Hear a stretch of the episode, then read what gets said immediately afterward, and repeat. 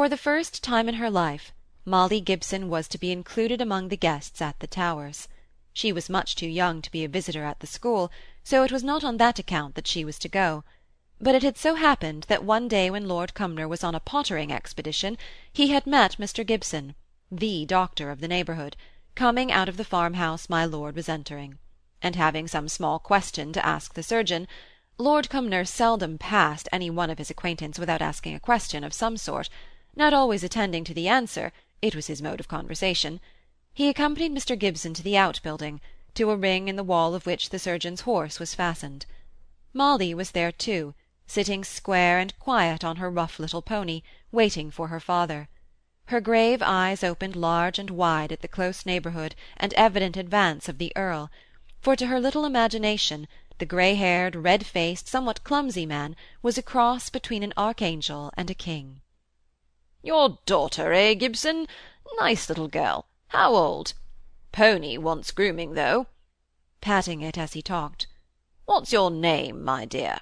He's sadly behindhand with his rent, as I was saying, but if he's really ill, I must see after Sheepshanks, who is a hardish man of business. What's his complaint? You'll come to our school scrimmage on Thursday, little girl. What's your name? Mind you send her, or bring her, Gibson, and just give a word to your groom, for I'm sure that pony wasn't singed last year, now was he? Don't forget Thursday, little girl. What's your name? It's a promise between us, is it not?" And off the Earl trotted, attracted by the sight of the farmer's eldest son on the other side of the yard. Mr. Gibson mounted, and he and Molly rode off. They did not speak for some time. Then she said, "May I go, papa?" in rather an anxious little tone of voice. "Where, my dear?" said he, wakening up out of his own professional thoughts. "To the Towers. On Thursday, you know. That gentleman she was shy of calling him by his title asked me." "Would you like it, my dear? It has always seemed to me rather a tiresome piece of gaiety. Rather a tiring day, I mean, beginning so early, and the heat and all of that." "Oh, papa!" said Molly reproachfully. "You'd like to go, then, would you?" "Yes, if I may. He asked me, you know. Don't you think I may? He asked me twice over." "Well, we'll see. Yes, I think we can manage it. If you wish it so much, Molly." Then they were silent again. By and by Molly said, "Please, papa, I do wish to go, but I don't care about it." "That's rather a puzzling speech. But I suppose you mean you don't care to go if it'll be any trouble to get you there. I can easily manage it, however, so you may consider it settled. You'll want a white frock, remember. You'd better tell Betty you're going, and she'll see after making you tidy." Now there were two or three things to be done by Mr. Gibson before he could feel quite comfortable about Molly's going to the festival at the Towers, and each of them involved a little trouble on his part. But he was very willing to gratify his little girl, so the next day he rode over to the Towers, ostensibly to visit some sick housemaid, but in reality to throw himself in my lady's way and get her to ratify Lord Cumnor's invitation to Molly. He chose his time with a little natural diplomacy, which indeed he had often to exercise in his intercourse with the great family. He rode into the stable-yard about twelve o'clock, a little before lunch-time, and yet after the worry of opening the post-bag and discussing its contents was over. After he had put up his horse, he went in by the back way to the house. The house on this side, the Towers at the front. He saw his patient, gave his directions to the housekeeper, and then went out, with a rare wild-flower in his hand, to find one of the ladies Tranmere in the garden, where, according to his hope and calculation, he came upon Lady Cumnor too, now talking to her daughter about the contents of an open letter which she held in her hand, and now directing a gardener about certain bedding-out plants. "I was calling to see Nanny, and I took the opportunity of bringing Lady Agnes the plant I was telling her about as growing on Cumnor Moss." "Thank you so much, Mr. Gibson. Mamma, look! This is the Drosera rotundifolia I've been wanting so long." "Ah, yes, very pretty, I dare say, only I am no botanist. Nanny is better, I hope. We can't have any one laid up next week, for the house will be quite full of people. And here are the Danbys waiting to offer themselves as well. One comes down for a fortnight of quiet at Whitsuntide, and leaves half one's establishment in town, and as soon as people know of our being here, we get letters without end, longing for a breath of country air, or saying how lovely the Towers must look in spring. And I must own, Lord Cumnor is a great deal to blame for it all, for as soon as ever we are down here, he rides about to all the neighbours, and invites them to come over and spend a few days. We shall go back to town on Friday the eighteenth, said Lady Agnes in a consolatory tone. Ah, yes, as soon as we have got over the school visitors affair. But it is a week to that happy day.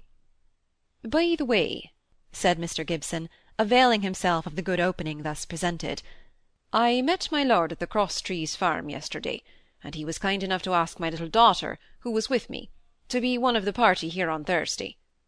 It would give the lassie great pleasure, I believe. He paused for Lady Cumnor to speak. Oh, well, if my lord asked her, I suppose she must come, but I wish he was not so amazingly hospitable. Not but what the little girl will be quite welcome.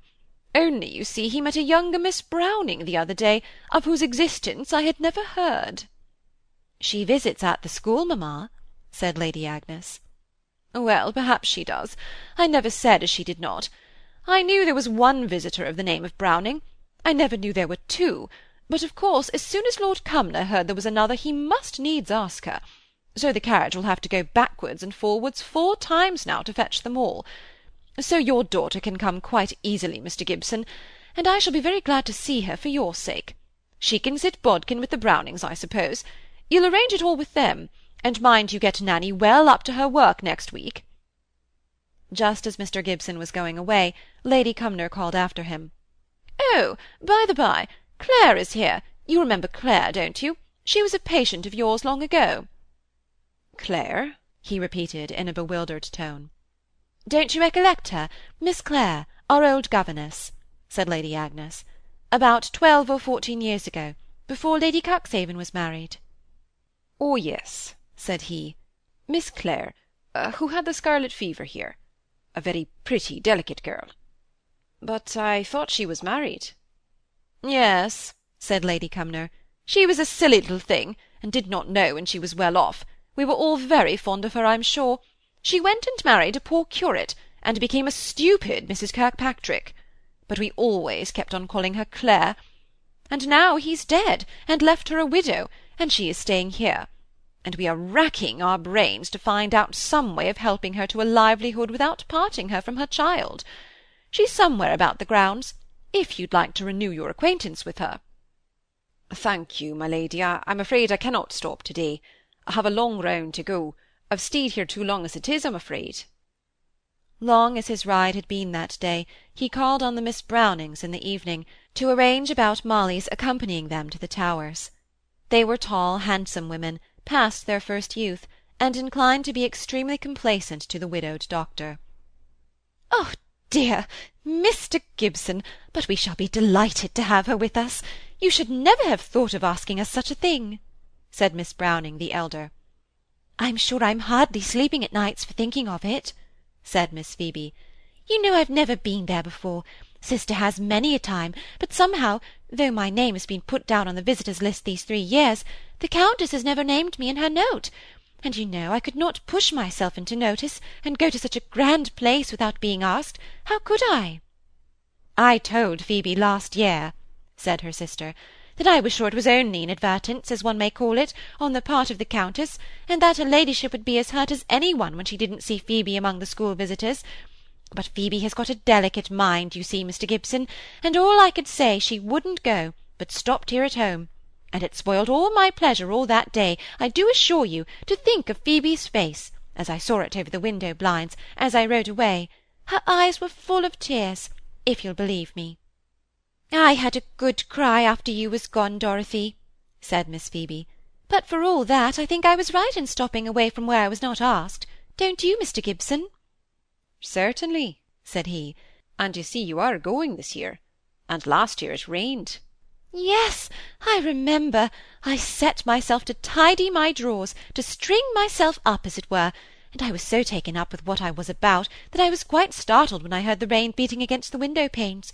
Goodness me, said I to myself, whatever will become of sister's white satin shoes, if she has to walk about on soppy grass after such rain as this?